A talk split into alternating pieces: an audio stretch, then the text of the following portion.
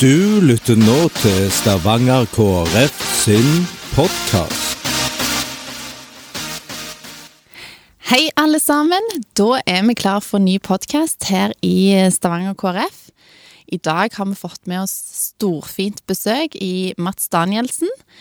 Og vi gleder oss til å snakke om det ene og det andre. I dag blir det Frp to the bone. Ja. Nå, nå skal vi bli skikkelig kjent med ideologen eh, Mats Danielsen. Men før det så pleier vi jo å ta en liten runde på eh, What is new, Henrik? Hva?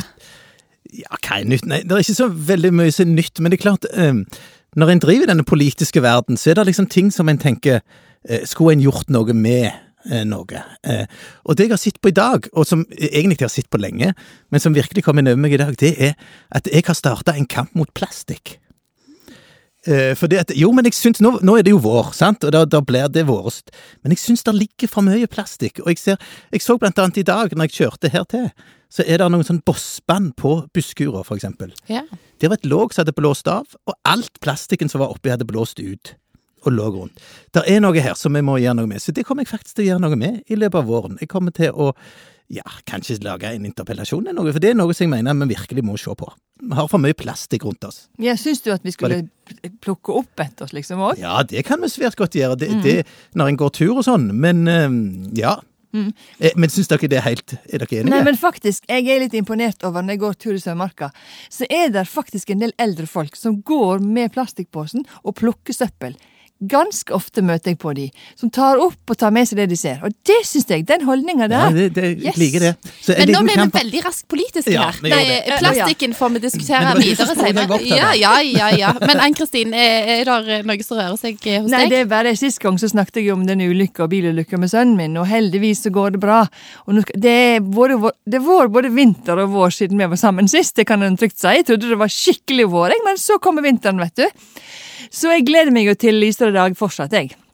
Du, det er jo litt Altså, jeg tenker, jeg stokker jo Jeg hørte jo Jeg hørte jo om den ulykka både i radioen og og jeg tror jeg leste i Aftenbladet òg, det kom ganske fort.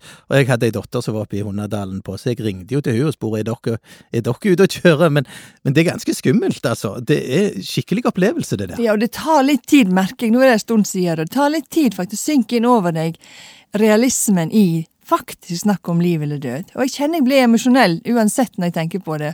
Og jeg tror det har gått litt opp for han gutten min òg etter hvert, at han kjenner at dette her tok virkelig tak.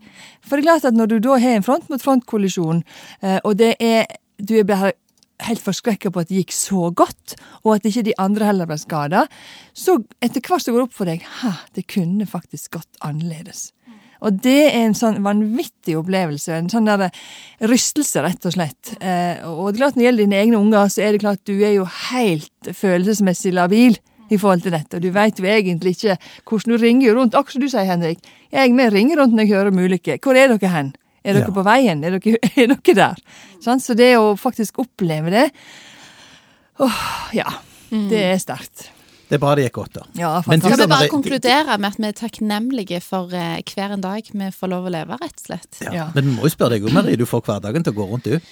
Ja, jeg kjenner jo at jeg eh, sitter ikke mye stille, men eh, det er sånn vi liker det òg. Og der er, der er nok innslag av både unger og litt politikk og litt, eh, litt det ene og det andre. Men jeg er veldig glad for at det, det ikke ble mer restriksjoner eh, nå det siste, på den siste pressekonferansen som hørte, og at vi fremdeles kan eh, Fremdeles faktisk gå på møter og gå i kirka. Det syns jeg er veldig kjekt. Det er Jeg tror, litt på den, ja, jeg tror litt på den strategien med at de nå skal la dette bli mer opp til kommunene. At de må, de må For det, det er noe med Det er jo faktisk kommuner som ikke har hatt tilfeller. Og hvorfor de skal komme i samme kategori som Oslo, Ja. det, det forstår jeg at de vil litt vekk ifra. At de må ha litt mer lokale styring på dette.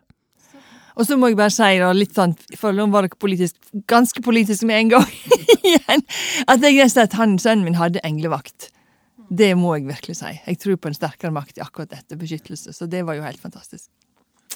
Enig, Ann-Kristin.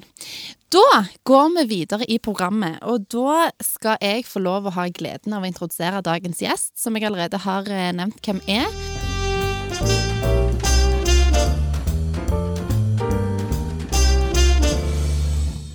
Men det er altså vår kollega i kommunestyret, Mats Danielsen. Velkommen. Takk for det. Velkommen, Takk for det. Mats. Eh, Mats er skal jeg gi en fantastisk introduksjon, er altså på sin tredje periode i kommunestyret. Imponerende. Ja, Ja, imponerende. I en alder av Av. 28 år. ja. Eh, ble valgt inn det året han fylte 19, altså han var 18 år når han møtte i bystyret for første gang. Da satt jeg to bort forbi og tenkte at det var godt å ha Mats der, for han har jeg alltid hatt en god tone med.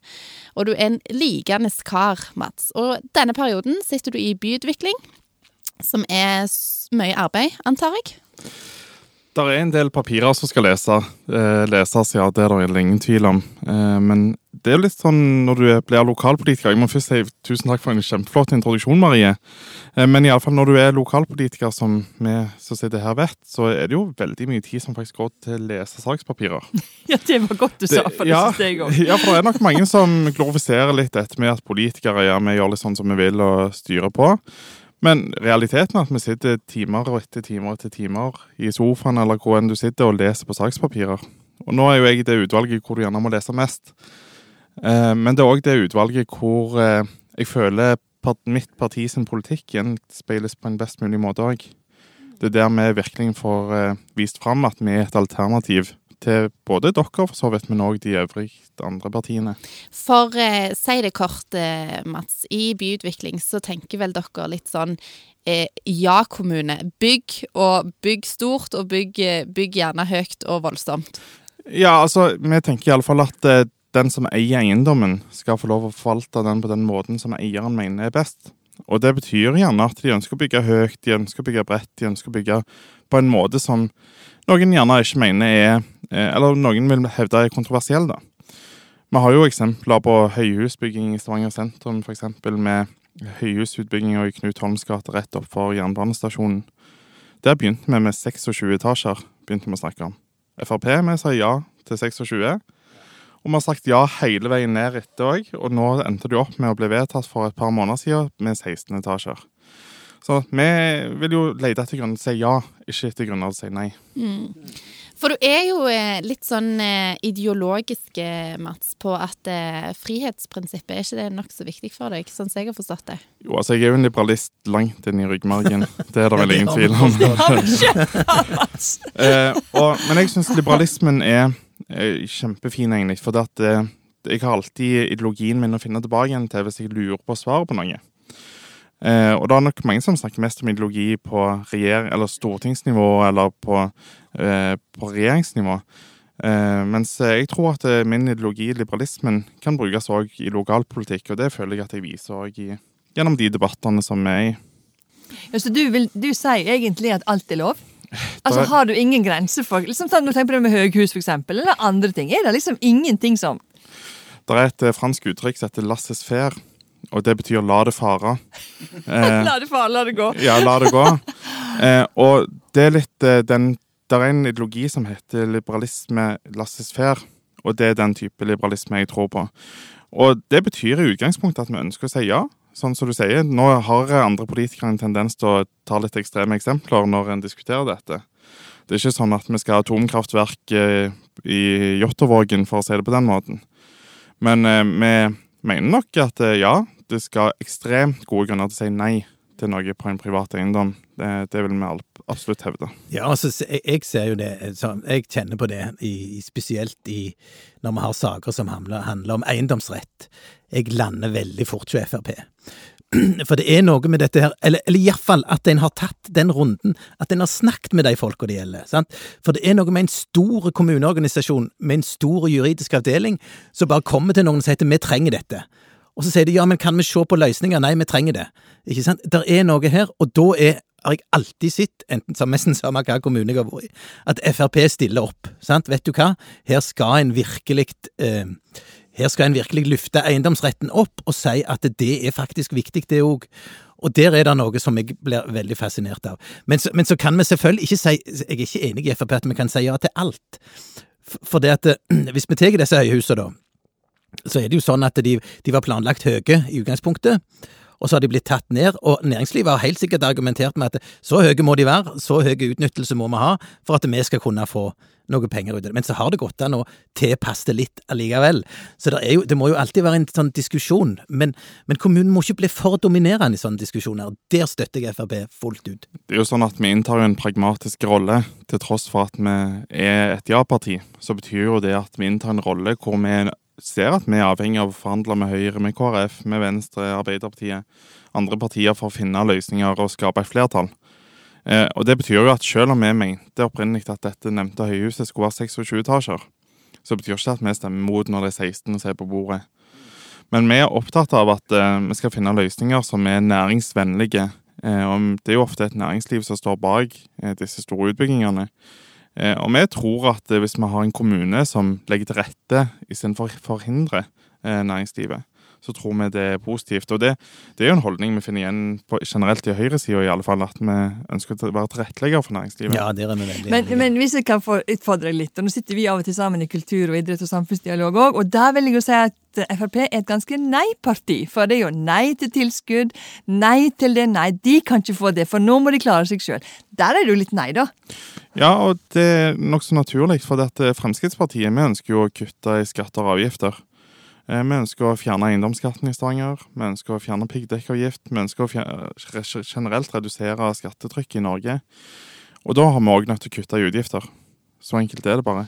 Og kultur er vel gjerne en plass dere er villige til å kutte? Tydeligvis. Ja, så vi vil hevde at, uh, vi vil hevde at uh, kultur, altså den finkulturen, da, det har symfoniorkester, museer osv.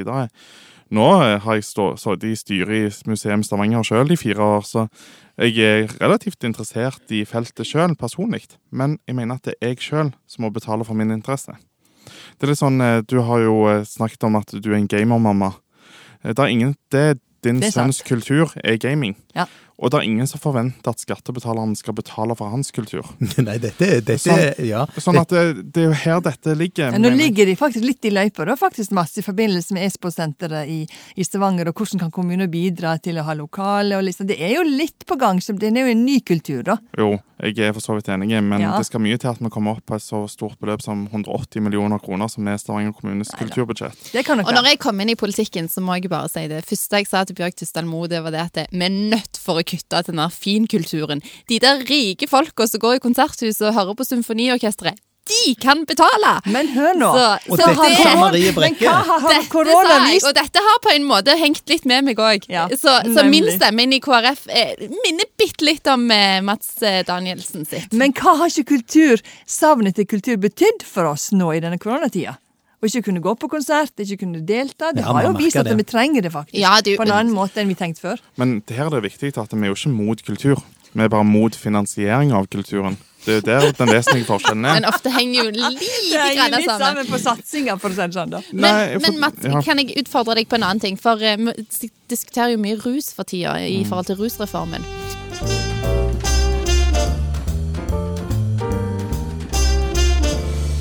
Og jeg tenker liksom litt sånn eh, liberalist. Eh, Er du for legalisering av eh, narkotika? Ja, det er jeg. All narkotika? Ja. Jeg var i Portugal for noen år siden. Eh, og Portugal Og det var en veldig kjekk tur. Eh, Det var det for så vidt. Men det grunnen til at jeg trekker det opp, er fordi at i Portugal så gjorde de denne manøveren for omtrent 20 år siden, mener jeg. Hvor de egentlig sa at nå skal vi slutte å straffe eh, narkomane for, for deres misbruk. Eh, og jeg ikke, tror ikke at straff er løsninga, iallfall. Eh, jeg tror det er hjelp vi må tilby. Eh, og jeg har ikke troen på at, politi, at vi skal bruke politiressurser på å hive folk i fengsel for å ødelegge sin egen kropp. Da tror jeg heller vi må stå der som samfunn og si at dette er noe du trenger hjelp med. Eh, og hjelp får du ikke med å havne inn i fengsel, altså. Men der tror jeg vi er ganske enige, i forhold til når du er kommet inn i et rusmisbruk, og faktisk er blitt en rusmisbruker, for å bruke det begrepet, og du trenger hjelp til å komme deg ut av det. Da kan jeg enig i at straff er ikke alltid, og det har ikke vist seg å være den beste løsninga. Men jeg er opptatt av, som barnevernspedagog og jobber med rus i 30 år, hvordan skal vi forebygge dette, og på hvilken måte skal vi si til ungdom at dette her er faktisk ikke godt for deg.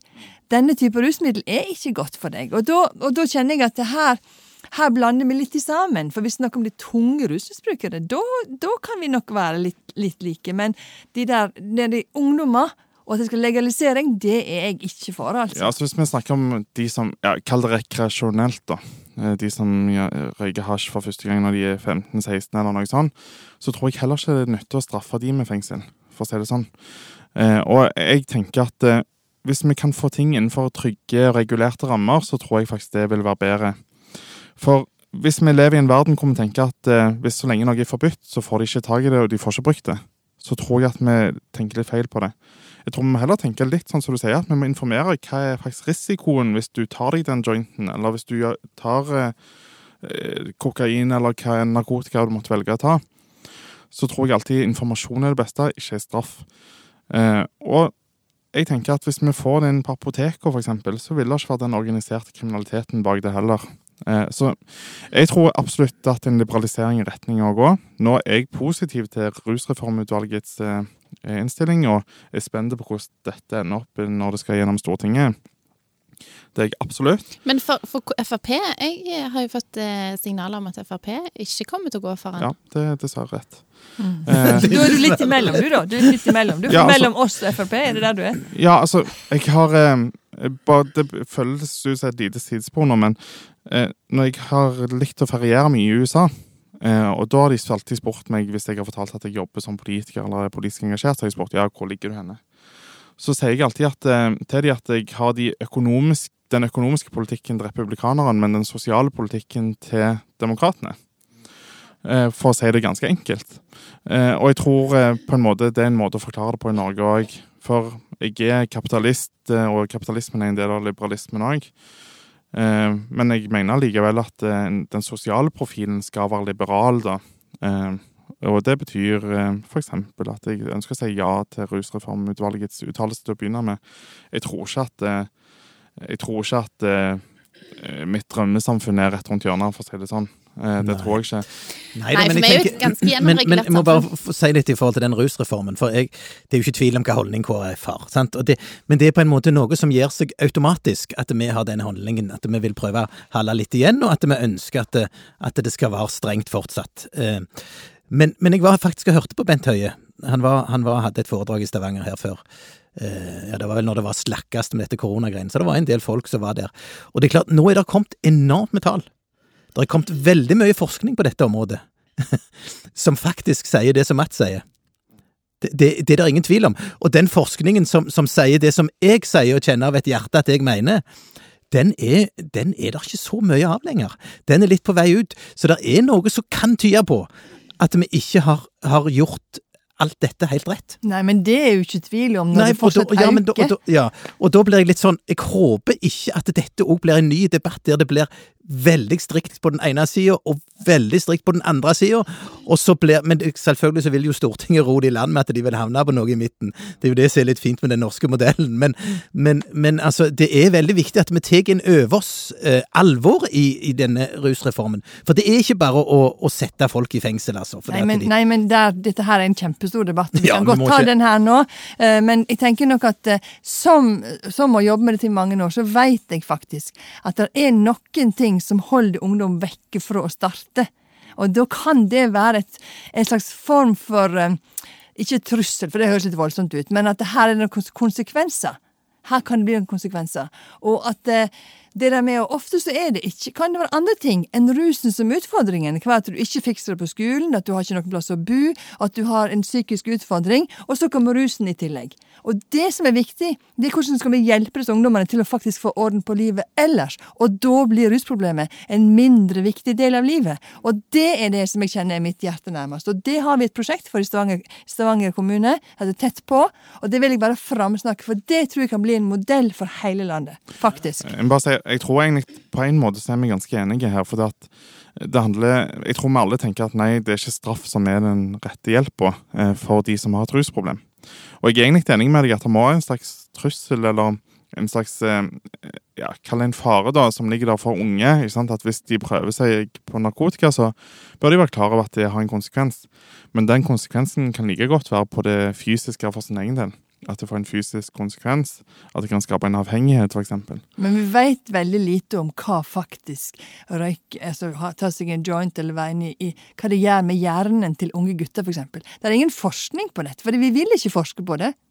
Og det syns jeg er utfordrende, faktisk. Det er iallfall en stor debatt, da. Ja, det er det. Men, eh, men, men jeg tror vi kan slå fast eh, sånn eh, Iallfall at vi har en, eh, en eh, ideologisk liberalist med oss. Ja, det, det var helt tydelig. Så, og så kan vi si at, eh, at dette utspiller seg eh, Men jeg syns det er interessant, eh, Mats, at du sier at du prøver å dra ditt ideologiske grunnlag med deg inn i lokalpolitikken, og det er jo det vi òg prøver å gjøre.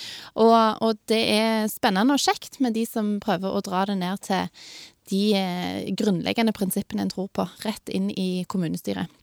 Men Mats, vi må jo over på noe som eh, meg og deg har hatt litt samarbeid på, og som, eh, som du har markert deg litt på. Det er jo nettopp Israelsengasjementet Israels engasjementet ditt. Hvor kommer det fra?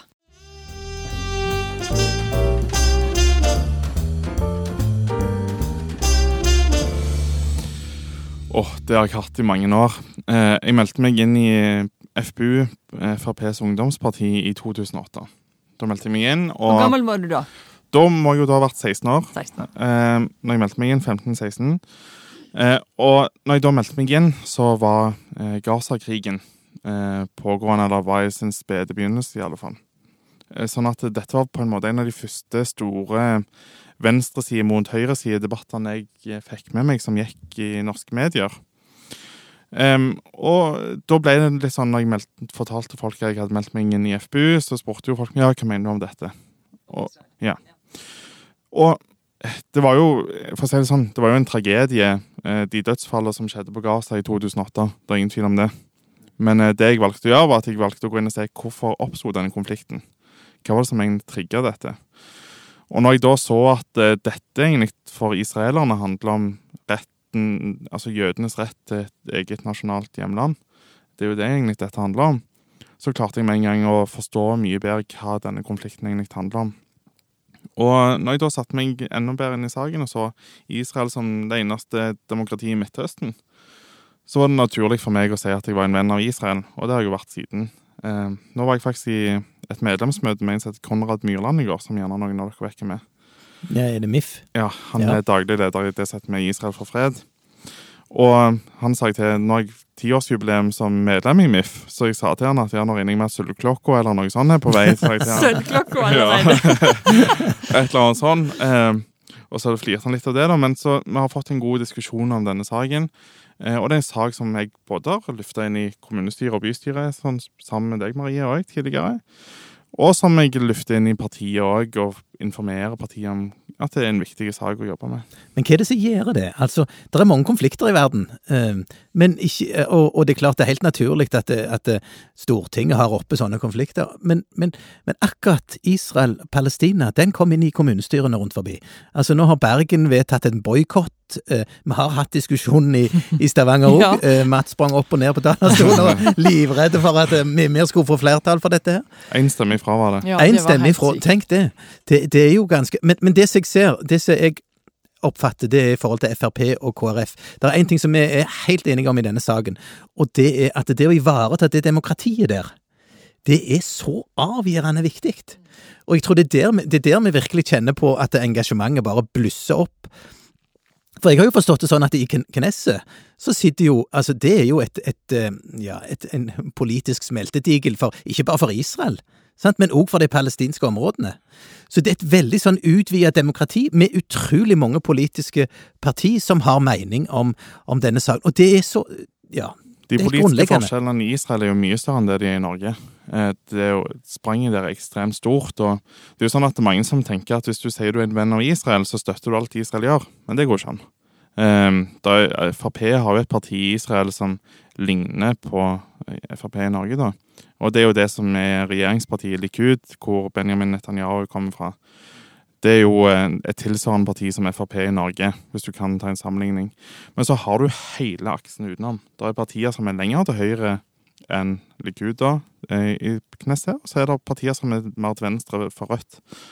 Sånn at du har et stort sprang. Men det som Nå har Marie og jeg eh, eh, jobba ganske mye med disse sakene. Vi har jo tatt initiativ i valgkampen i 2019. Tok vi initiativ til at vi skulle skape Israels venner i Stavanger bystyre sammen, vel, men nå er det jo kommunestyret.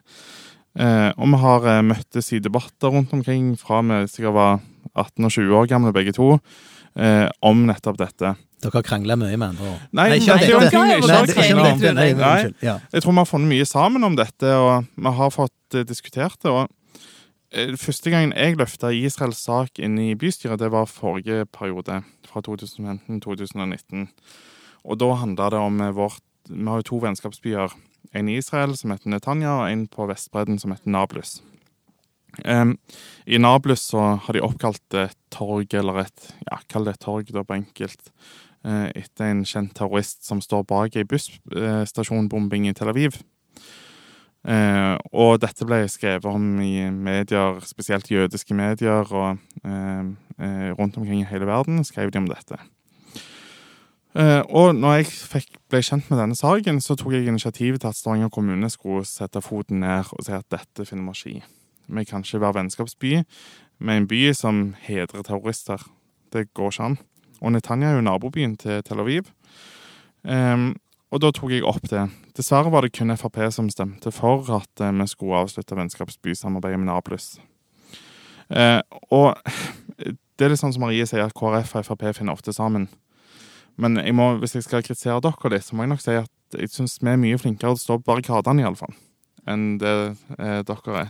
Men, oi, men oi, hvis jeg skal, oi, her kommer en liten stikk Ja. fra en godeste Men hvis jeg skal si en ting, så var det noe som KrF fikk gjennom i sist periode, var at eh, når det gjelder støtte til vennskapsbyprosjektene på skolene, så fikk eh, KrF inn at vi skulle støtte både Nablus og Netanya.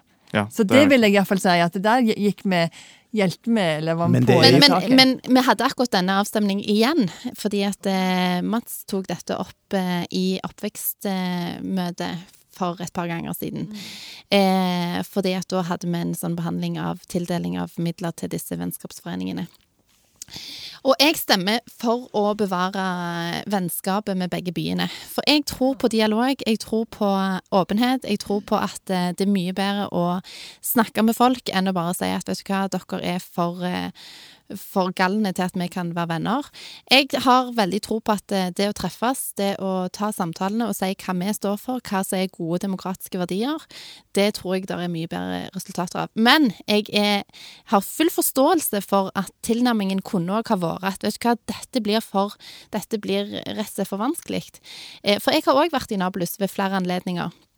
Og jeg reagerer òg på at det er ting som, eh, som blir sagt, og ting som blir gjort, som er svært uheldige for samarbeid med Israel.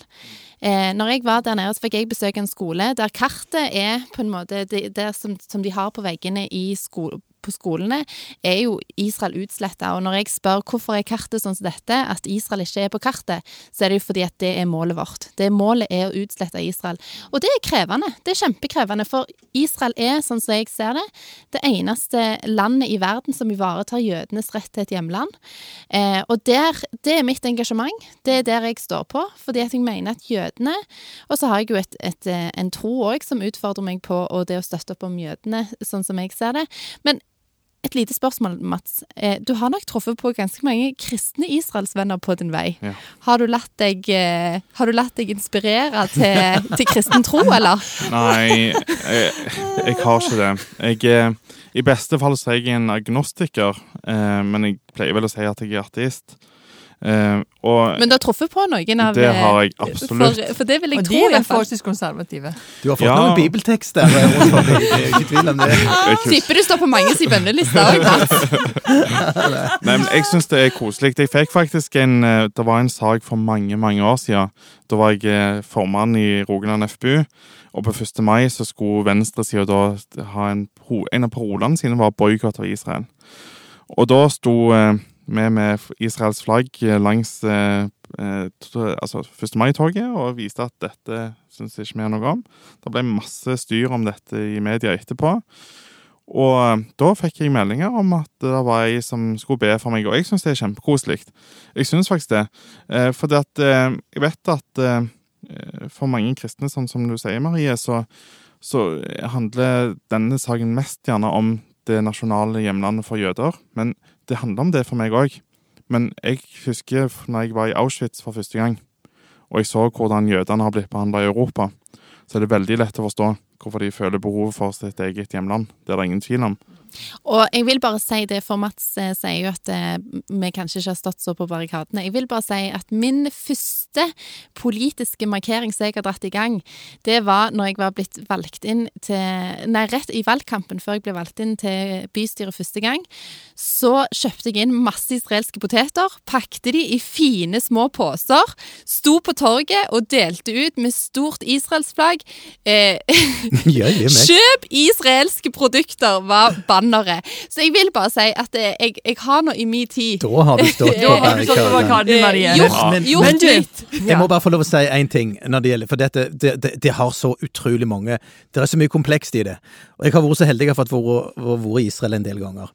Og det å gå rundt i gamlebyen i Jerusalem, eh, eller sette seg ned på en sentral plass der og se, så kommer der, så kommer der et tog med, med katolikker, sant? Eh, Og så kommer det et tog med protestanter, og så kommer det et tog med muslimer. Eh, På en måte alle er sikre på at de har rett, sant? Og, og dette er byen deres. Og det er det, det, det, det landet lever i hele veien. At, at det er så mange som på en måte akkurat denne byen her.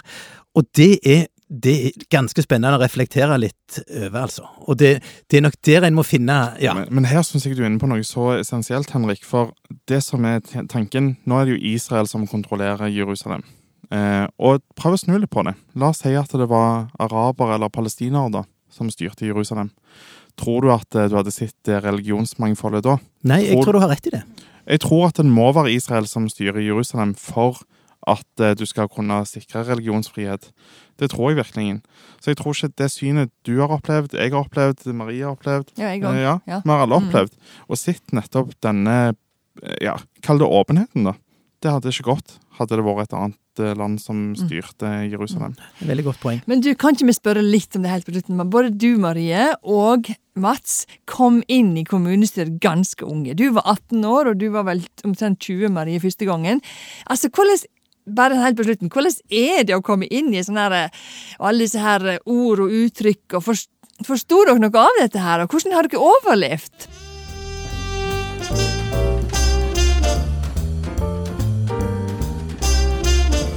Jeg var litt sånn kjepphøy, husker jeg sjøl i alle fall. Eh, at eh, ja, OK, dette ble jo easy-peasy. Eh, dette, dette blir ikke noe problem. Men eh, jeg tok meg nok fort i at her er det mye jeg ikke kan. Eh, og den retorikken jeg hadde lært å bruke fra ungdomspartiet, den fungerte ikke i, i bystyresalen.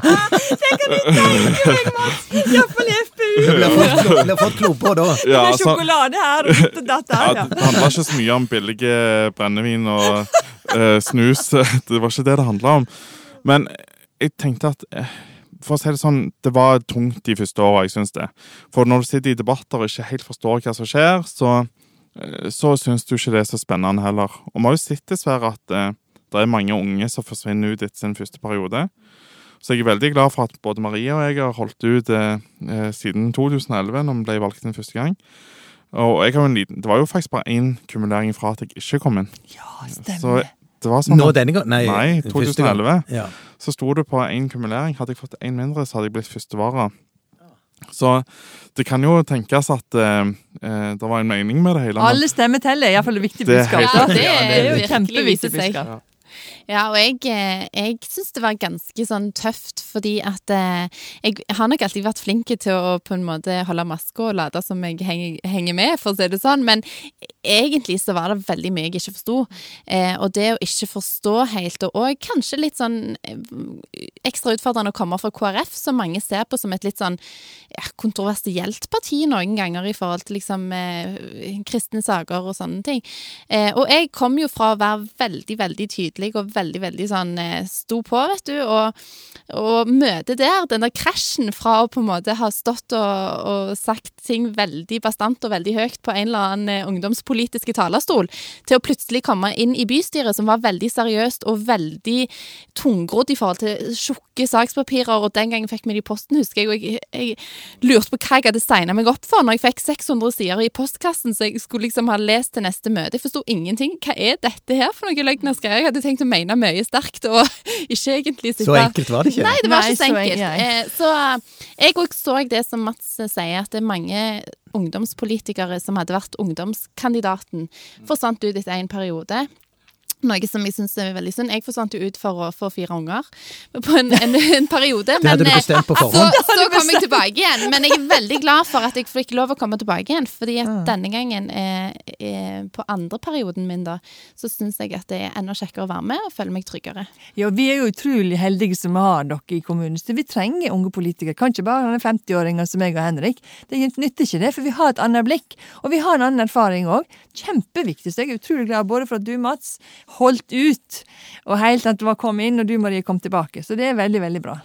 Ja, for at jeg tror Rogalands Avis lagde jo en serie eh, i 2000, altså rett etter valget i 2011, hvor de gjorde et poeng ut av hvor mange unge som da ble valgt inn.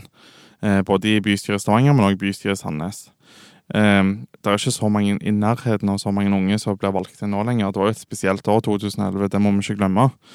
Eh, men eh, jeg, jeg tror absolutt at alle aldersgrupper har noe i politikken å gjøre. Men så vil jeg jo rette en liten pekefinger til enkelte personer òg, som eh, ja, i sosiale medier spesielt, det angriper unge politikere fordi at de er unge. Mm. Eh, det er et problem, og det har vært tendenser til dette i folkevalgte organer òg, i både bystyret og i fylkesting òg. Og selv om jeg er 28 nå, så møter jeg ennå den. At det unge representanten Danielsen, husker jeg det var ei som sa til meg i fylkestinget. Og da var jeg jo litt frista til å si den gamle representanten og så navnet hennes. Men jeg lot være med det. Men jeg tror uansett at mangfoldet i eh, aldersgrupper er veldig viktig i lokalpolitikken. Og helt til slutt, vi må jo spørre Mats. Hva er drømmescenarioet etter at nå eh, Siv Jensen har meldt sin avgang? For det rører seg jo ganske mye i ditt parti nasjonalt, eh, Mats. Vi trenger ikke gå inn på alt det. Men eh, hva sier du om eh, tida som ligger foran? Eh, jeg må først si at jeg følte meg skikkelig tom når jeg fikk vite at Siv skulle gi seg. Hun har vært partileder så lenge jeg har vært medlem, eh, og eh, jeg, hun er på en måte definisjonen min på, på Fremskrittspartiet. Det er mange som mener Carl I. Hagen er Fremskrittspartiet. Han syns jeg ikke er Fremskrittspartiet sånn som jeg skjønner det. Eh, mitt Fremskrittsparti er Siv Jensen sitt Frp. Eh, vi er på mange måter enige. Jeg eh, vi håpte lenge at Ketil Solvik-Olsen skulle bli partileder den dagen Siv skulle gi seg. Nå ser det ikke ut som det går den veien at han, han ønsker ikke det, sier han. Eh, det syns jeg er synd. Så må jeg jo ja, jeg må gi Sylvi en sjanse, da. Eh, og til å vise hva Frp hun ønsker å ha. Hvis hennes Frp er et liberalistisk og åpent Frp, så er jeg enig med hun. Eh, da blir det bra. Men Ketil sa en ting fra ikke så lenge siden som jeg likte veldig godt. Og det var at vi må bruke innestemme når vi snakker om innvandringspolitikk. Og det viser jo litt en ja, Kall det en avstand internt i partiet, da. Så jeg tror nok at Ketil hadde vært en veldig bra partileder. Men nå ser det ut som vi får Sylvi, og så blir det spennende å se hvordan det går. Ja.